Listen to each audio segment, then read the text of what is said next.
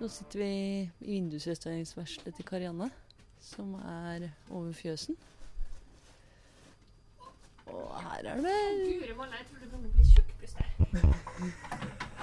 Karianne og bikkja på vei opp. Ja, der kom bikkja. Du hadde låst han inne, Karianne? Ja da, det hadde jeg. Ja. Ikke sant. Ikke sånn verst i over fjøsen. Og dette er jo Den går i full drift. Rett og slett. Nei, skal, jeg- skal jeg sette meg ned og prate? Eller Ja. skal vi å prate? Hæ? Er det greit med sånn bakgrunnslyd, eller skal jeg sette meg ned og Jeg tror det blir litt langt unna, dessverre. Du må Unnskyld, men vi skal gjøre det kjapt og godt, så du kan begynne å jobbe. Nei, nei, nei. Vi skulle jo sjekke Vi skulle jo etter skyer nå. Vi har jo flere ting på programmet. Ja, hvis du skal uansett, da. Ja, uansett. Ja. Ja. Men eh, Karianne, du Vi hører jo på dialekta di. Du kommer jo ikke fra Røst opprinnelig. Hvordan havna du her? Nei, det var veldig, veldig tilfeldig. Jeg s- lette etter en god plass å drive med sau, og da var det akkurat den der eh, langt ute i Golfstrømmen, beite halve, hele året, som var veldig tiltalende. Så var det andre snille bønder, eller sauebønder der, de var veldig snille. Og ekstremt ivrig på at det skulle komme noen nye. Så egentlig så var Røst ei bygd med bønder som gikk sammen og så sa nei, vi skal faktisk finne noen som kan ta over. Og når jeg kom hit, så sa de vi skal hjelpe deg. Vi skal støtte deg, og du skal få mark og alt du trenger. Det er ikke noe gård til salg sånn med det første, men eh, alt ordna seg. Bare kom. Og det syns jeg er ganske, ganske rått, liksom. Jeg synes Mm. sitter bønder egentlig over hele Norge og tenker hva skal vi gjøre for å få folk til å komme? Men det å slå seg sammen og si at ja, vi har plass til en til. Det, vi må bare albu, eller ordne plass, og så ut og leite. Og det, de tok jo et aktivt valg, da, de andre bøndene, om at det her var viktig. Fordi de føler at det landskapet her er viktig. Mm. Så de er bevisste hele gjengen? Ja. Absolutt. Og så kom du opp Du tok båt opp, du? Fra Sunnmøre, gjorde du ikke det? Ja, eh, ikke med alt, da. Sauene kjørte lastebil. Ok. Ja. Men jeg kjørte båt, ja, fra Sunnmøre og hit. Og la i land her, og, Ja, og så var det i gang? og så var det i gang. Så var det gjort. Du er jævlig tøff, da. Eh, Jeg veit ikke Jeg tror ikke det. Ikke? Nei.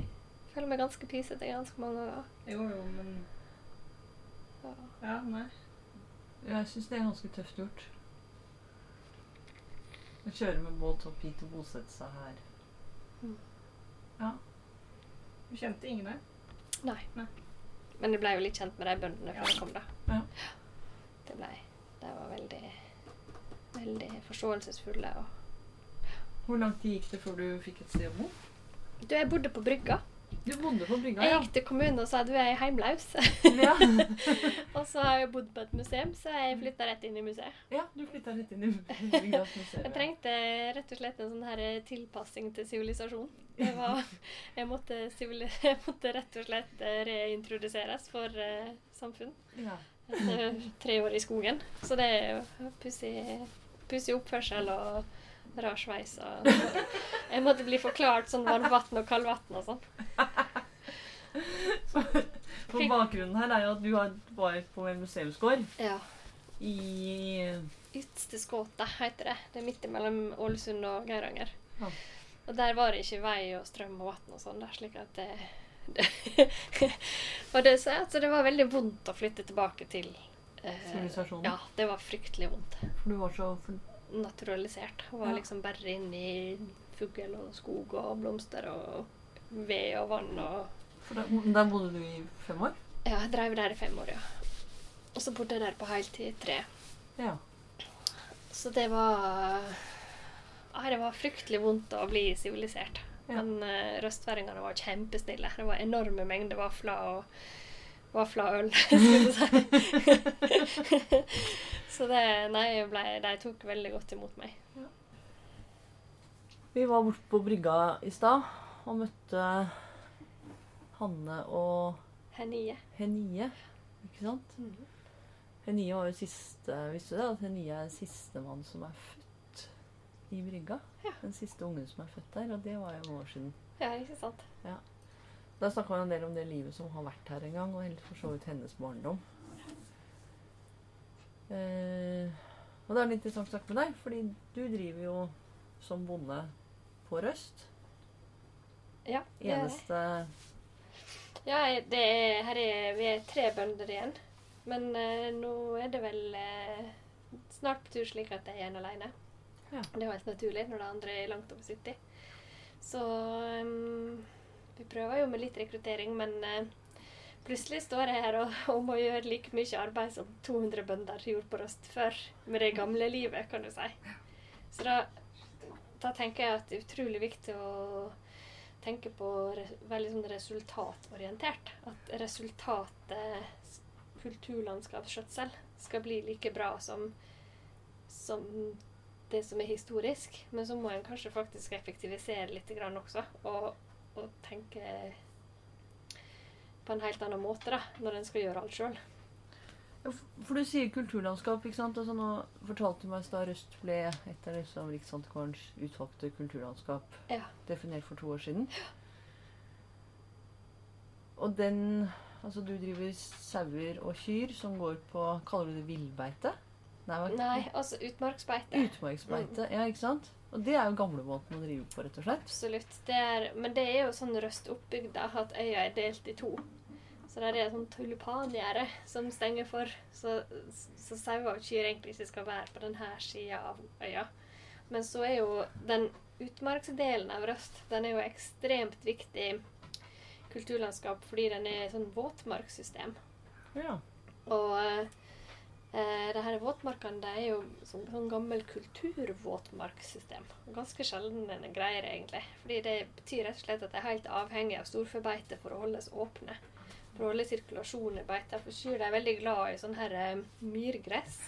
Så de får å trampe ut i å holde vannet litt i sirkulasjon og holde fotosyntesen i gang, rett og slett, i disse her eh, myrene, slik at de ikke gror igjen, og fjerner biologisk masse. Sant? Og sånn sett så kan du si at der er det det som du som er bra for kyrne dine, er også bra for kulturlandskapet. Det er helt avgjørende. Ja. Røstet blir ødelagt som vi kjenner det i dag, og som de kjenner det fra brygga. Mm. Så blir Røst ødelagt uten et intensivt og ganske hardt beite. Og det her går, det her går både på kultur, egentlig, men veldig mye på miljø. At eh, vi har en ekstrem mengde med sjeldne fugler som hekker i disse våtmarkssystemene. Jeg syns skjeand er veldig artig. Den bruker jeg å nevne i alle Skjeand. Ja, Hva er det det for noe? er utrolig artig. Han som har et nebb som er forma som en skei. Sånn tynn, og så blir Ja, den nei, sånn? den er sånn, ja, den skoper den opp sånne her insekter og greier i Ja. Ja. Dritartig and. Anbefaler alle å google skjeand. uh, og den hekka her, og ja, vi brushan og svarthalespove og masse sånne artige, artige saker. da. I tillegg til masse artige trekkfugler som kommer på røst. Og de er avhengig av det utmarks... Bombeavhengig av det. Hvis vi slutter med beite på røst, så vil eh, alle myrene gro igjen. Og marka vil bli helt uframkommelig. Det vil ikke være mulig å gå ut i utmarka. Og habitat for sjeldne fugler, insekt, humle, alt forsvinner. Da blir Røst en stor ørken. Så uten kyr og sauer så er Røst fucked sønder. Det er, det er helt grusomt å tenke på. En må ikke gi seg. Og særlig i disse sårbare områdene så det finnes så få tilsvarende områder for. Rett og slett. Ja, for dette er en videreføring av det sånn som det har vært, Dette er akkurat vært, sånn som har vært drevet på Røst i alle år. Ja. Akkurat det samme. Men det har vært flere bønder enn tre. Så det betyr at vi som er igjen, må ha mer Ja. for å gjøre samme jobben. Ja. Det, dette klarer ikke vi. Nei. ikke i det hele tatt. Det er ikke nok sauer på Røst. Og det er ikke nok kyr heller. Men det hjelper nå på. da. 18, nå blir vi 19 i år. Så slakter vi ned litt. Det hjelper veldig. Jeg ser det tydelig på marka allerede. At det, det er forskjell. Der er jo noen områder i marka som er gjerda inne. Og det er veldig artig å se, egentlig. Ja. Hvordan det ser ut der, og hvordan det ser ut der kyrne er gått. da. Så Ja, for det er jo egentlig litt rått at opprettholdelsen av dette kulturlandskapet er noe som du og dine to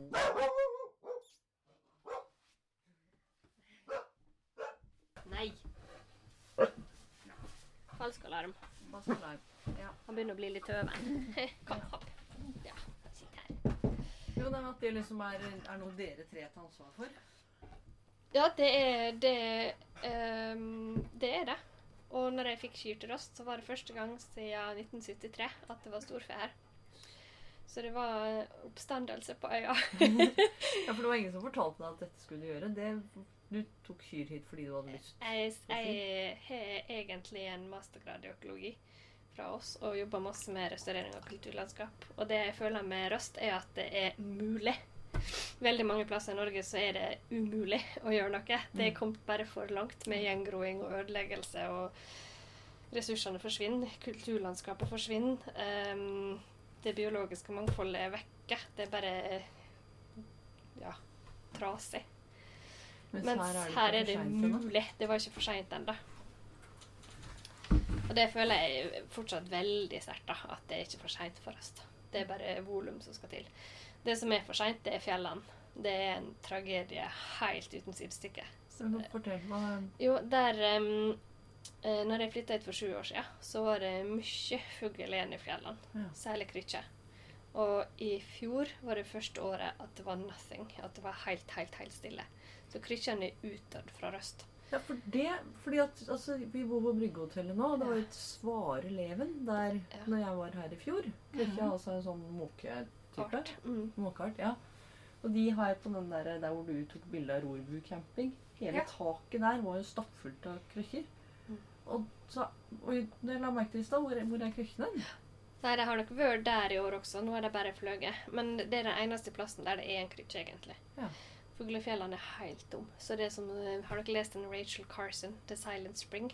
Nei. Nei, det bør dere. Det er hun som forsker på DTT, og hvordan fuglene døde av eh, DTT-spraying. Aha. Så hun skrev en bok om det som heter The Silent Spring, og fikk stoppa DTT-utbredelsen, egentlig, i stor grad med den boka. Hun er en helt innen miljøvern. Hun er så Hun er um, Økolog, biolog. Ja, men er ikke hun sånn um, Å. En Steinerskole Det heter um, Nei, glem det. Nei, Min sønn går på Steinerskolen, og han har fortalt om, henne, Ja. om det jeg kom på nå. Han har fortalt om henne, skjønner du. Ja. Han, ja, nei, fordi Ja, hun er ja, innom Ja, akademisk eh, professor lignende i Amerika. Mm. Ja. Så eh, en, en råtass av en eh, dame, en kvinne. Og det var akkurat sånn her at vi fikk The Silent Spring. Nå er krykkjene borte. Men hva kommer da? Global oppvarming. Fossilt Global brennstoff. oppvarming. Ja. Mm. Eh, trekker lenger nordover, da? eller? Nei, det som skjer er at havstrømmene endrer seg, slik at maten og fiskestimene endrer vandring. Og det gjør at krykkja når ikke tak i maten. Ja. Så de dør rett og slett ut? De dør ut. Antroposof var det jeg skulle si i stad. Ah, forresten. ja. Ja. Mm, Ikke det? Nei, Nei. det tror ikke jeg. Nei. Men eh, Eller jo, hvem veit. Ja. Smart dame. Har sikkert gjort alt mulig rart. Men eh, eh, ja. Så det er klimaendring. Økt Ja.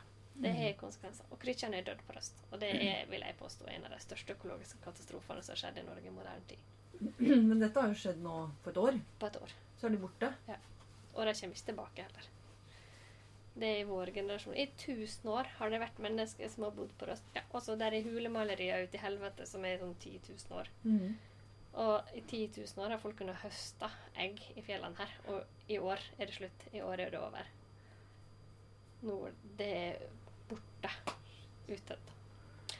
Og, og det her er jo konsekvenser for, for uh, kulturlandskapet også.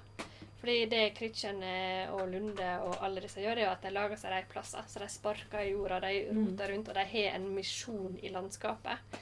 I tillegg til at de gjødsler. Så det som ser nå, er at de faktisk har begynt å vokse litt sånn små busker i disse her gamle krykkjeflåga. Ja. Der kan det etablere seg rogn. Mm. Ja. Så det er kort tid til vi mister fuglefjellene som naturtype. Og det som kan motvirke det, er et hardt beitetrykk. Ja. Men vi har ikke nok dyr. Vi har ikke nok bønder. Vi klarer ikke, klarer ikke å, å stå imot. da. Så det en er nødt til å gjøre, er nødt til å velge seg ut. Noen områder, liksom. Ja, man, Det er brannslukking. ja. Det Så det er et eller annet når man lever så tett på naturen, tenker jeg, som man jo til dels Altså som man har gjort i alle tider på en Ja. plass som Røst. ja. Eh, men hvor man også ser endring, hvor endringene blir så skremmende tydelige, da. ja. Og at man føler seg helt sånn eh, makteslaus. Ja. At eh, man kan sitte der og legge planer, og staten sier så her har dere 750 000 årlig! Vær Bruk penger liksom, på kulturlandskapet. Røst. Og, og jeg vet at det eneste tiltak som funker, er tiltak som gir økt antall beitedyr. Ja. Det er, vi kan gjøre så mye artig som vi vil med gamle hus og bygninger, men vi Mm. Mister Alt. hvis ikke vi slår på. Ja. Så det er eh, Ofte når jeg tenker historien, hva som har vært, og bevaring, så er det på Røst er det jo i høy grad å få til en skjøtsel som er forsvarlig. Mm. Som må være hovedfokus. Så her blir sånn sett huset faktisk underordna. Det er jo feil å si det òg, men noe er på artig, Ja. og noe annet er kritisk. Ja. Ikke sant? Nei, jeg skrev en gang så jeg skrev en artikkel, og da skrev jeg det er utgangspunktet i Lofoten, hvor liksom jeg er opptatt av at altså, kultur i form av bygningskultur Mm. og natur spiller, spiller, spiller så innmari på lag med hverandre i sånne områder her. Ikke sant? Det er noe med hva ville Røst vært uten gamle hus, ikke sant? Ja. Um, men det går jo også motsatt vei. altså hva noe av det som er flott her, er jo nettopp det der eller som fascinerer meg. Det er jo det der flate kystlandskapet. Strandegg. Ja. Og hvis det forsvinner mye fordi ting gror igjen, Og det går veldig fort, da. ja, Det går sinnssykt fort. da mister man jo virkelig verdier. Og ikke bare kulturverdier, men også store naturverdier. Vi må ikke tenke kulturhistorie slik at det var noe kjempetøft og kjempehardt og vanskelig noe, fordi um, jeg er bombesikker på at de hadde gode liv også. Det er i hvert fall slik jeg opplevde det, å bo i fortida. At det ja, var fett, rett og slett. Ja, så er det sånn, Du har jo to store traktorer stående utafor her. Yes. Det har jeg. Så mens du, sant, dyra dine er på beite sånn som de alltid har vært, så driver jo du også et moderne gårdsbruk. Ja, helt nødt til det. Ja. Um, uh, hvis jeg hadde hatt storfe på Røst akkurat slik som det hadde det i 1973, så hadde jeg sittet i fengsel. Ok, hvorfor det? Fordi det er ikke lov lenger å drive med Ja, Mattilsynet, ja. ikke sant? Ja. Det er regulert. Nå er det gitte krav og forutsetninger for hvordan du skal oppføre deg mot dyr. Ja. Så Og det er kanskje et framskritt, tross alt. jeg syns det er et kjempeframsteg. Ja. Ja, men det er ikke noe mål å drive jordbruk sånn som de gjorde for 100 år siden, bare for å gjøre det. Det er akkurat det som er poenget mitt. Ja. Mm. Og jeg skulle ønske at kulturminneforvaltninga og naturforvaltninga kunne være med på den tankegangen. At det, poenget er ikke å gjøre det som i gamle dager. Poenget er at resultatet kulturlandskap skal bli likt. Mm. Og ja. Mm. Det, det er litt skummelt å gå i den fella ja, slik var det før, og det her var den siste kua. sant? For det, Mhm. det fikk jeg høre hele tida. Nei, vi er ferdig med det. Ja, Ferdig med kua. Ja, det var liksom Ja. Og så tenker jeg, hvordan vet de med sikkerhet at det var den siste kua på røst? Fordi at Ja, altså det å bare sette seg ned og tenke Nei, sånn var det før. Og å, det var så hardt, og å, det var så vanskelig, og det var så tøft. Men vi har andre måter å gjøre det på i dag. Og dette tror jeg lærte veldig godt på det museet nede på Sunnmøre. At det der også var slik Nei, nei, det er helt umulig for ei ung dame å bosette seg der. Husk en gang har far hogde seg i foten, og jordmora måtte roes over for å si sant? Nei, dette må du ikke gjøre. Det sånn hm, Hvis jeg henger meg i foten, så ringer jeg til en sånn psykik Så kommer det et helikopter og henter Ja. deg, faktisk. Faktisk. Ja. Slik at eh, vi er jo moderne, Ja. men resultatet Vi må ikke tenke kulturhistorie slik at det var noe kjempetøft og kjempehardt og vanskelig noe, fordi um, jeg er bombesikker på at jeg hadde gode liv også. Mm. Det er i hvert fall slik jeg opplevde det, å bo i fortida. At det Ja. og fett, rett og slett. Det tenker jeg også. Altså, det er viktig å ha kunnskap om hvordan ting ble gjort før, fordi det er viktig, det er viktig historie. Mm. Det gjelder for så vidt i Ja, ja. kulturminnevern òg. Nå kommer jeg til å bli halshugd, men, men det er ikke alltid det trengs å gjøres akkurat på gamlemåten. Altså, jeg er veldig for motorsag. Ja. Jeg syns motorsag er helt greit. Ja.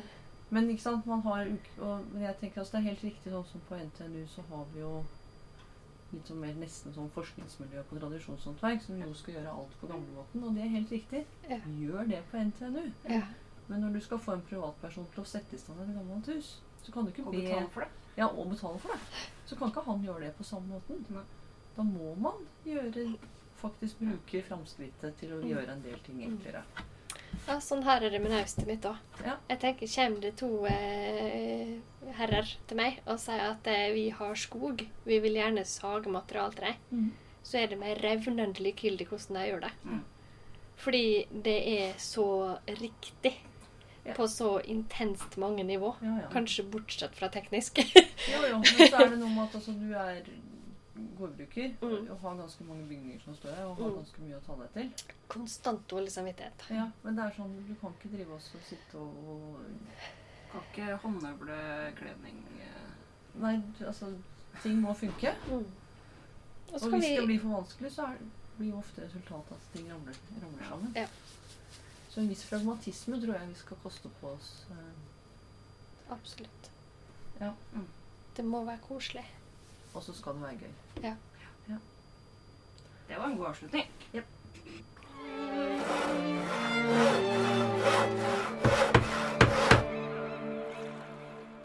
Om hus og folk er et samarbeid mellom Fortidsminneforeningen og Bygg og Bar. Jeg heter Anette Ramstad. Og jeg heter Mathilde Sprovin.